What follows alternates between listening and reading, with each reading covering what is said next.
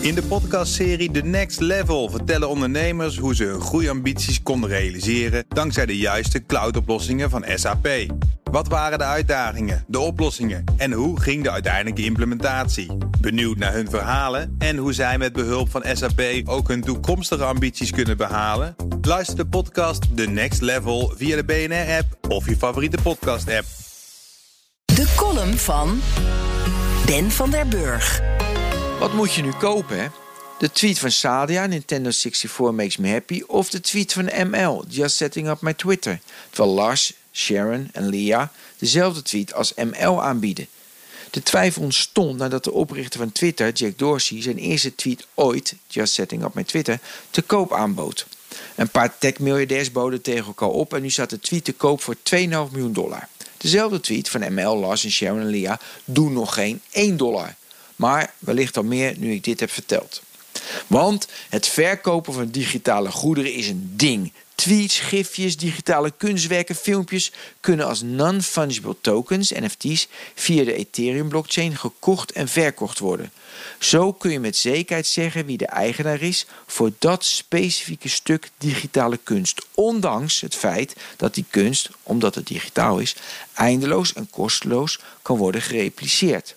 Er is nog steeds maar één specifieke manifestatie van dat bestand die op de blockchain staat. En de blockchain volgt publiekelijk elke transactie die aan dat bestand is gekoppeld.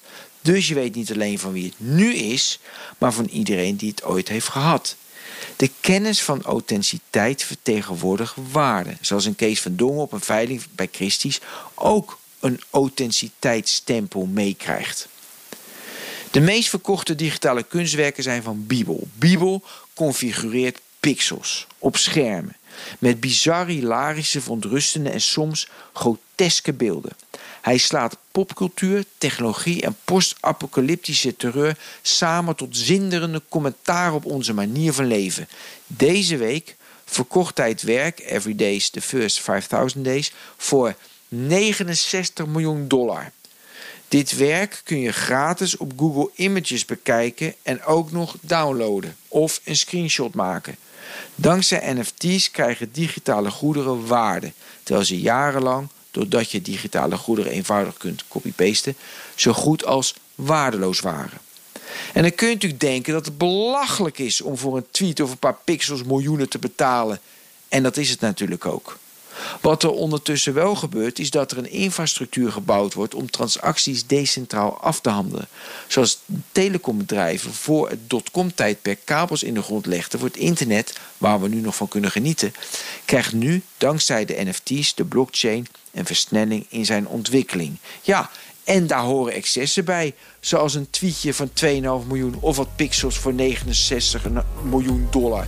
Maar daar moet je niet mee zitten, dus koop die digitale zooi.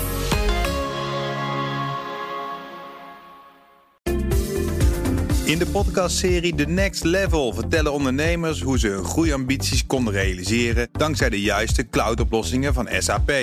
Wat waren de uitdagingen, de oplossingen en hoe ging de uiteindelijke implementatie? Benieuwd naar hun verhalen en hoe zij met behulp van SAP ook hun toekomstige ambities kunnen behalen? Luister de podcast The Next Level via de BNR-app of je favoriete podcast-app.